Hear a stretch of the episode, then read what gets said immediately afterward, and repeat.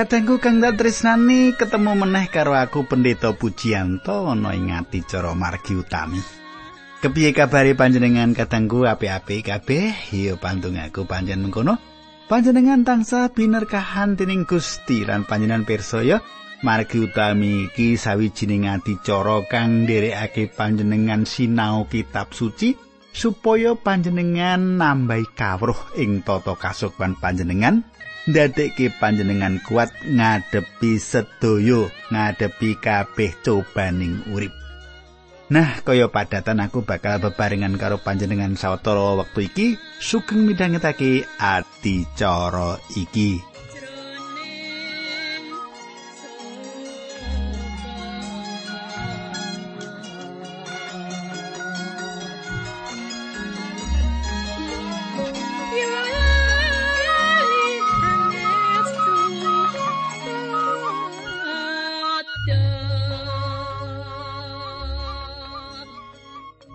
Sumitraku ing patemon kepungkur kita wis nyemak kepiye Allah paring pitedah pitedah marang Harun lan marang tedak turuni. Uga marang para imam liyane babagan hukum sesausan. Banjur kepriye teruse panjenengan tak derekake nyemak bebarengan karo aku ing patemon kita dina iki. Nanging sadurunge kuwi aku bakal ngaturake salam marang Bapak Susanto. Bapak Susanto nyerat mengkini. Program margi utami andamel kula tambah kadudut manah kula kangge mangertosi pangandikane Gusti lan matur nuwun kula dados mangertos menapa ingkang dados kayektosanipun Gusti Allah menika. Nggih, Pak Susanto. Matur nuwun sanget dene margi utami dados berkah kangge panjenengan. Nah, sumitraku, ayo kita ndedonga sesarengan. Kanjeng Rama ingkang kawula sambat sebuti wonten ing asmanipun Gusti kawula Yesus Kristus. Kawula ngaturaken gunging panuwun menawi wekdal menika kawula saged tetunggilan lan saged sesarengan kalian sederek-sederek kawula ingkang setya tuhu midhangetaken adicara menika. Kawula ndongaaken sedherek kawula ingkang pikantuk berkah awit adicara menika supados saged dipun trapaken wonten ing lampah gesangipun. Dinambaran asmanipun Gusti Yesus Kristus kawula ndedonga haleluya amin.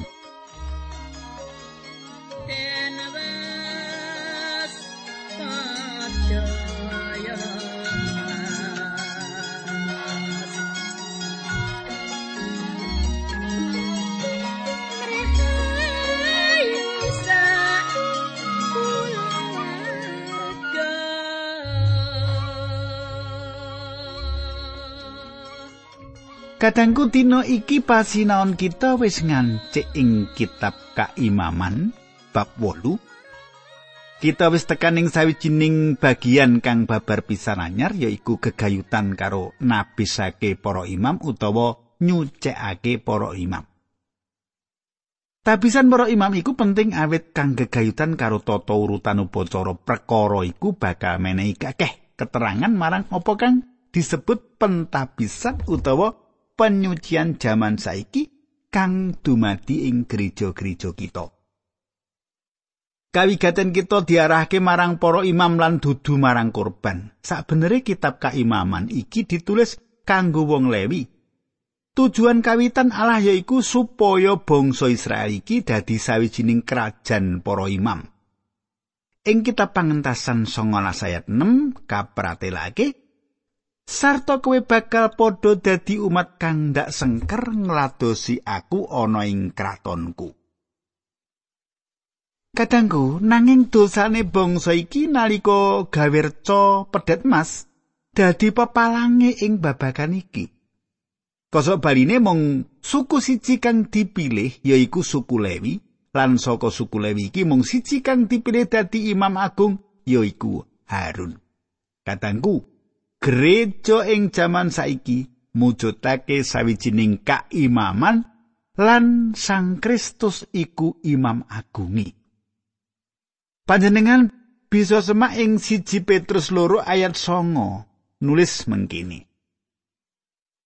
Nanging kowe kuwi bangsa sing pinilih imam-imame Sang Kristus bangsa sing suci umat kagungani Allah piyambak supaya padha martakake pakaryane Gusti Allah sing ngiram-iramake Gusti Allah wis nimbali kowe saka pepeteng marang pepadangi kang indah. Lan coba panjenengan semak Wahyu 5 ayat 10 nulis mengkene tiang-tiang wau sampun paduka dadosaken tedak turunipun ratu inggih supados sami dados imam-imam ingkang ngladosi Allah kita tuwin sami kagungan panguwas wonten ing bumi. Malah ana ing layang Ibrani 13 ayat 10 meratelake mengkene. Kita padha duwe mesbeh kanggo nyaosake kurban marang Allah, imam-imam sing padha lados ana ing kemahe wong Yahudi ora padha duwe wenang mangan kurban sing ana ing mesbeh kono. Katangku mesbeh iku ing wektu iki ana ing kasuwargan. Mesbeh iku ana ing dampar sih rahmat. Katangku, ing jaman kang bakal kelakon, sawise gereja ora ana, aku percaya menawa bangsa Israel bakal dadi para imam ing bumi ing jaman kerajaan sewu taun. Pangerten wong kang dadi imam dicethakake ana ing Ibrani 5 ayat 1.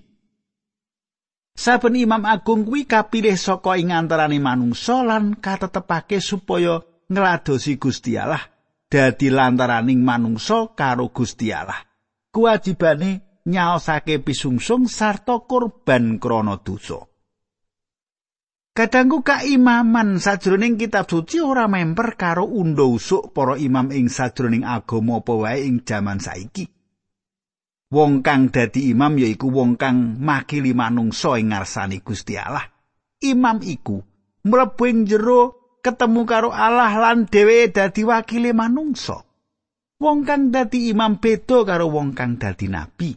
Wong kang dadi nabi asale saka Allah lan kang diomongake kuwi minangka wakile Allah kang ditujokake marang manungsa. Yen imam asale saka manungsa, sowan marang Allah kang diomongke marang Allah kanggo kepentingane manungsa lan dheweke dadi wakile manungsa.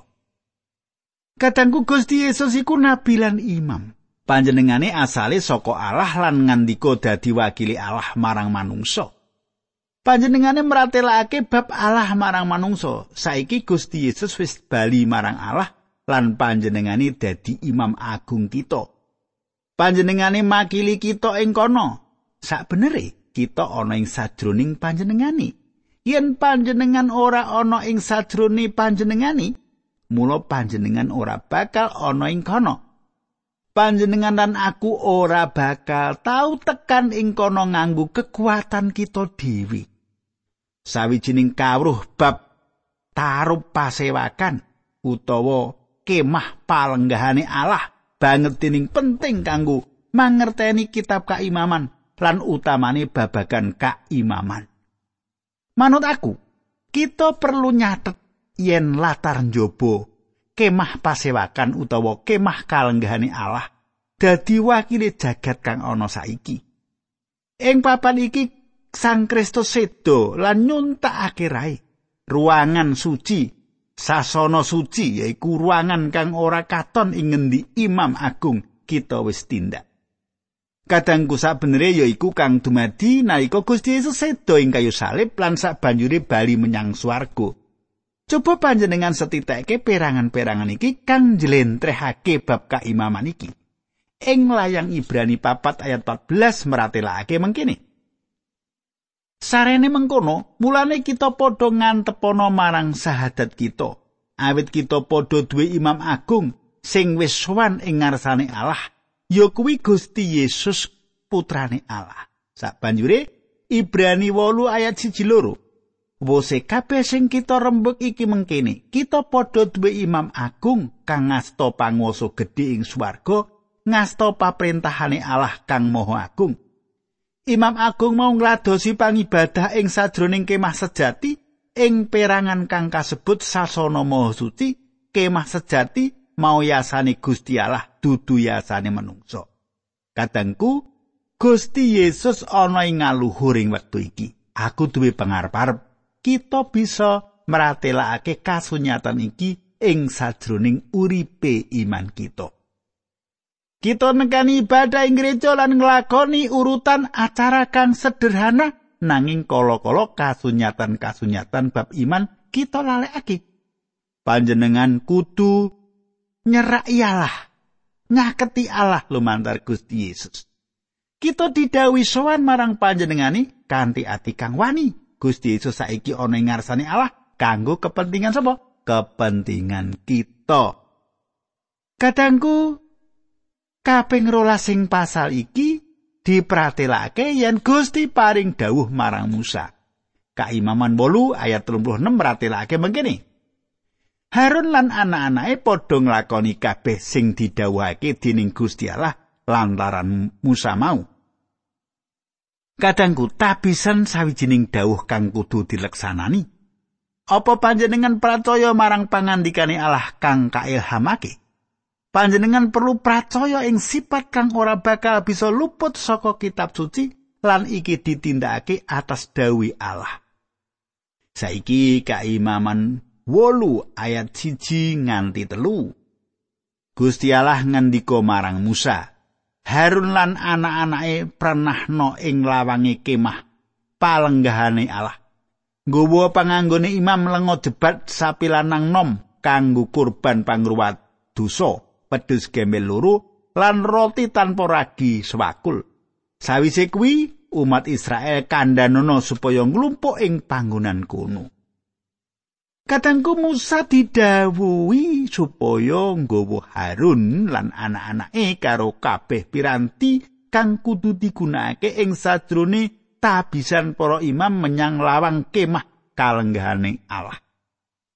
Sebanjure dheweke kudu nglumpukake kabeh umat supaya bisa bareng nyekseni urutan upacara tabisan para imam.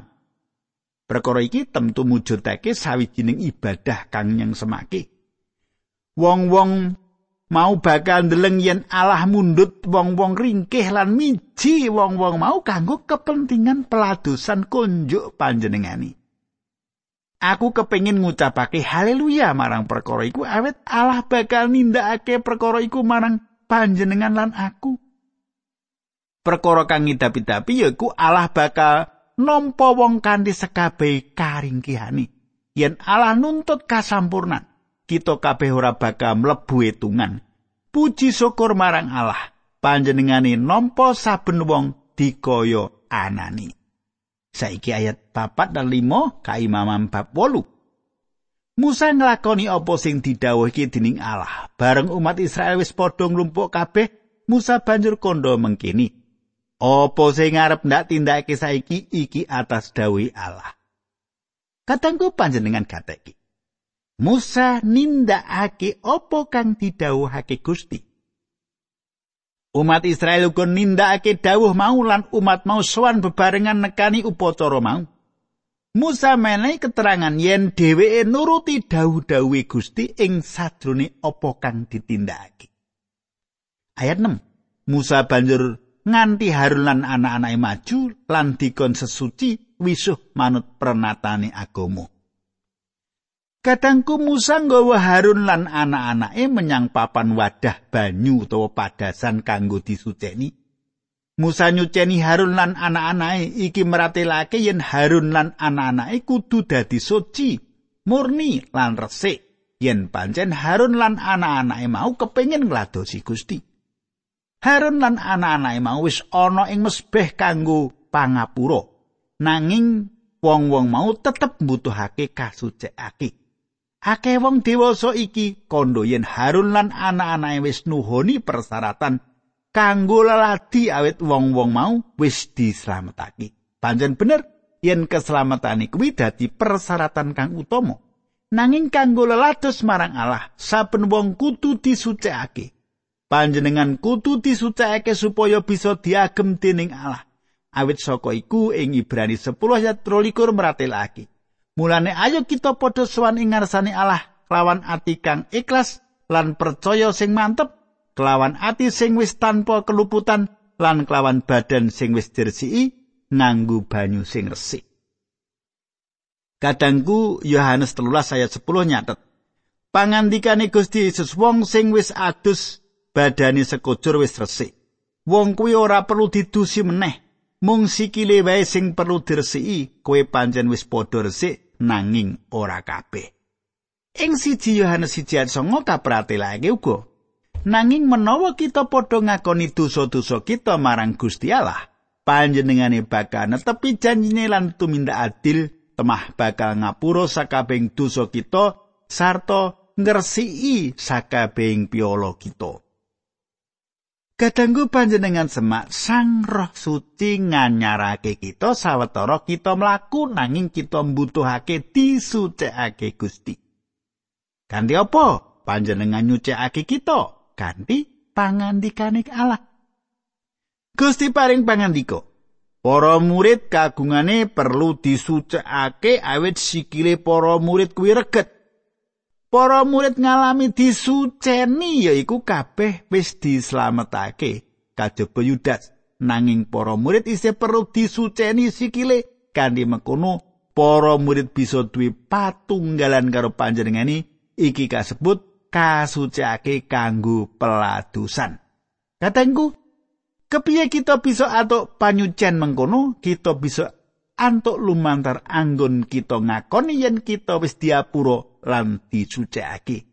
Apa panjenengan ngersake diagem Gusti Allah? Yen iya, mula panjenengan akoni dosa panjenengan. Ngakoni dosa iku kang panjenengan kudu tindakake kang kawitan. Ngakoni dosa iki dalane Allah. Iki kalebu dawuh saka panjenengani. Kita kudu nindakake apa kang dadi dawuh utawa kita ora bisa mlebu ing sajroning peladosani. Allah kagungan piranti kanggo nindakake perkara-perkara kang didhawuhake lan kita perlu sinau lan bangun turut apa kang dadi margi-margine. Saiki kaimaman bab 8 ayat pitu. Harun banjur dinggoni rangkepan lan jubah sarta sabuk sawise kuwi banjur dinggoni efot lan lambungi disabuki sing digawe saka tenunan alus. Kadangku Sandangan Imam Agung mujudake sawijining gambaran saka Imam Agung kita ing sadroning kabeh sih rahmat lan kaluhurane kang ngedap-edapi. Saben setelan sandangan ngandut pralambang. Ana wolu setelan kang dinggo dening Imam Agung. Patang setel mujudake setelan kang memper karo kang dinggo dening kabeh imam. Papat meneh mujudake setelan mligi kanggo Imam Agung. Lan misahake karo imam-imam liyani. Papat-papate mujudake sandangan kanggo kaluhuran lan kaendahan. Papat setelan sing umum kang dienggo para imam yaiku kemejan, sabuk, serban utawa iket lan celana. Iki kabeh digawe saka linen putih kejaba serban utawa ikete. Kain linen putih nglambangake kayekten saben wong kang percaya marang Gusti Yesus kalimputi karo kayektene Sang Kristus. Penting kanggo imam supaya ladi kanthi nganggo setelan kang kaya mengkono kuwi lan tembung disabuki kang ing basa formal disebut dipaning seti lire nggambarake yen iku penting kanggo pambangun turut kang tenanan. Kemejan lan sabuk kang disebutake ing ayat iki mujudake setelan dasar kang dinggo kabeh imam. Setelan iki diterangake nganti dilimet ing kitab pangentasan 18. Saiki bab 8 ayat 8 banjur masang tutupe dadani ing jerone tutup dodo mau dipasangi urim lan tumin. Kadangku urim lan tumin dianggokake ana ing tutup dodo. Urim tegese cahya utawa sunar lan tumin tegese kasampurnan. Dadi loro-lorone mujudake cahya lan kasampurnan. Aku ora ngerti pase kepiye gunane loro-lorone. Ing Mazmur 19 ayat 89 ana sawijining buku tuntunan kegayutan karo iki, angger-anggere Sang Yewa iku sampurna. Kuwi tumin. Nyegerake nyawa, pranatane Sang Yewa iku setya tuhu, aweh kawicaksanan marang wong kang ora duwe pengalaman. Pangandikane Sang Yewa iku patitis mbungahake ati, perintah Sang Yewa iku murni gawe sumarating mripat. Ya kuwi urim. Cetha banget yen urim lan tumim kuwi ana sambung rapete karo katamtuan kersane Allah. Ana sawijining trap-trapan rohani kanggo kita. Ing wektu iki kita mbutuhake pangandikane Allah lan kita uga mbutuhake pimpinan Allah kanggo nemtokake kersane Allah ing sajroning urip kita. Saiki kaimaman 8 ayat 9. Harun banjur dinggoni serban ing serban sisih ngarep dipasangi rerenggan emas. Kuwi tandane yen Harun wis dadi kagungane Allah kabeh mau ditindakake dening Musa miturut dawuh Allah. Katangku makna kang tumunung ing sajroning pangandikan iki yaiku kasucen kagem Gusti. Sandangan iki mbedakake antara Imam Agung karo imam liyane. Setelan kang dianggo iki nggambarake kaluhuran lan kaendahan Imam Agung kita kang sedo ing bumi kanggo nyelametake kita. Lan saiki lenggah ana sisih kanane Allah Romo kanggo njaga supaya kita tetep selamat. Anak-anak Harun ana sandingi nganggo kain linen kang sederhana. Iki mujudake sawijining gambaran Imam Agung kita karo akeh putrane kang diklumpukake nunggal karo panjenengane lan kang dijangkung ana ing kayektene. Ibrani loro ayat 10 nulis mengkini. Wis mesine menawa Gusti Allah kang nitahake lan ngrumati samubarang kabeh kagem panjenengane uga nyampurnakake Gusti Yesus srana kasangsaran supaya Gusti Yesus saged nuntun putra akeh ngrasakake kamulyane bebarengan karo panjenengane awit mung Gusti Yesus piyambak kang nuntun wong-wong mau marang keselamatan. Katanggu kita sowan marang Sang Kristus minangka wong-wong dosa kang ilang lan panjenengan nenjangkung kita kanthi kayektene. Imam nggawa watu-watu ing gegere dewi-dewi karo tulisan jeneng 6 saka rolas suku, 6 sisih kiwa lan 6 liyane ana sisih tengene. Rolas watu kang ana ing dodo uga ana jenenge saben suku mau. Iku ateges Imam Agung kang agung nggawa bangsa Israel ana ing gegere lan uga ana ing atine. Geger nglambangake bab kekuatan lan ati kang meratelake bab katresnan. Saiki kaimaman 8 ayat 10 mangkene surasane. Musa banjur jupuk lengo jebat kanggo njebati kemah palenggahane Allah lan saking peranti sing ana ing kemah kuno. Kadangku manut layang Ibrani 9 ayat 21, kemah kalenggahane Allah lan kabeh jembangan lelati wis diciprati nganggo getih.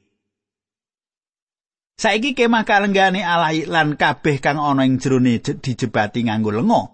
Kemah kalenggane Allah iku wis ditebus lan disucikake nganggo getih lan saiki dijebati nganggo lenga kang nglambangake Sang Roh Suci. Saiki Sang Roh Suci bebas tumindak lan makarya lan lelati ing sajrone kemah kalenggane Allah, kemah pasewakan. Saiki ayat 11 lan 12. Lengo jebat mau salong diciprat-cipratake rambah ping pitu ing mesbeh lan sakai pirantine ya ing jambangan lan umpake. Srana mengkono barang-barang mau disucikake kagem Allah. Sawise mengkono Harun banjur ditetepake dening Musa srana ngesokake lengo jebat ing sirai Harun. Kadangku kanthi nyiprat-nyipratake lenga kuwi nglambangake anggone nyucekake kabeh wis siap kanggo kaubah nanging disisihake kanggo lelati marang Allah Harun ora diciprati nanging dijebati nganggo lenga Harun mung diesoki karo lenga kaya kang katulis ing Mazmur 133 ayat loro Upamane kaya lenga jebat adi kang dilewer saka sirai Harun banjur mudhun ana ing jenggote nelsi gulune jubai. Katangku kaya mengkono uga Sang Roh Suci. Lengo iku dadi lambangi disuntake ing Gusti Yesus nalika panjenengane dibaptis. Ana ing Yohanes 3 ayat 34 kanthi cetha ditulis mengkini. Wong sing diutus dening Gusti Allah kuwi nggawa pawarta saka Gusti Allah sebab Gusti Allah wis maringake roe marang utusane mau tanpa wangenan. Kanthi tembung liya Allah maringi Sang Roh Suci marang putrane ora kawates. Kita kudu eling yen lenga disokake marang Harun sadurunge para imam diciprati getih. Imam Agung kita Gusti Yesus Kristus ora mbutuhake sesausan kanggo nebus dosa. Kita kang mbutuhake. Ayat songo Kitab Kaimaman. Paduka menika remen dateng perkawis-perkawis ingkang leres sarta sengit dateng duraka. Pramila Gusti Allah inggih Allah paduka sampun miji paduka sarta ngurmati paduka ingkang datengaken kabingahan. Ngungkuli menapa ingkang kaparingaken dateng para mitra paduka. Bab 8 ayat 13 kaimaman. Musa banjur akon anak-anak Harun maju dinggoni kuluk kaya sing didhawuhake dening Allah marang Musa. Katanggu iki kabeh ditindakake selaras karo dawuh Gusti iki ngilingake kita menawa kita kudu tansah nganggo sandangan kayektene Sang Kristus. Katanggu kepiye teruse saka perangan iki kita bakal terusake ing patemon kita candai. Saiki kita ndedonga dhisik. Duh Kanjeng Rama ing swarga kawula ngaturaken guing panuwun menawi dalem menika kawula sampun paripurna angin kawula sinau pangandikan paduka. Sepindah malih nyuwun berkah paduka Gusti awit sakpungguripun abdi paduka kintenipun pangandikan paduka tansah dumeling wonten ing manahipun sederek kawula menika. Dinambaran asmanipun Gusti Yesus Kristus kawula donga. Haleluya. Amin.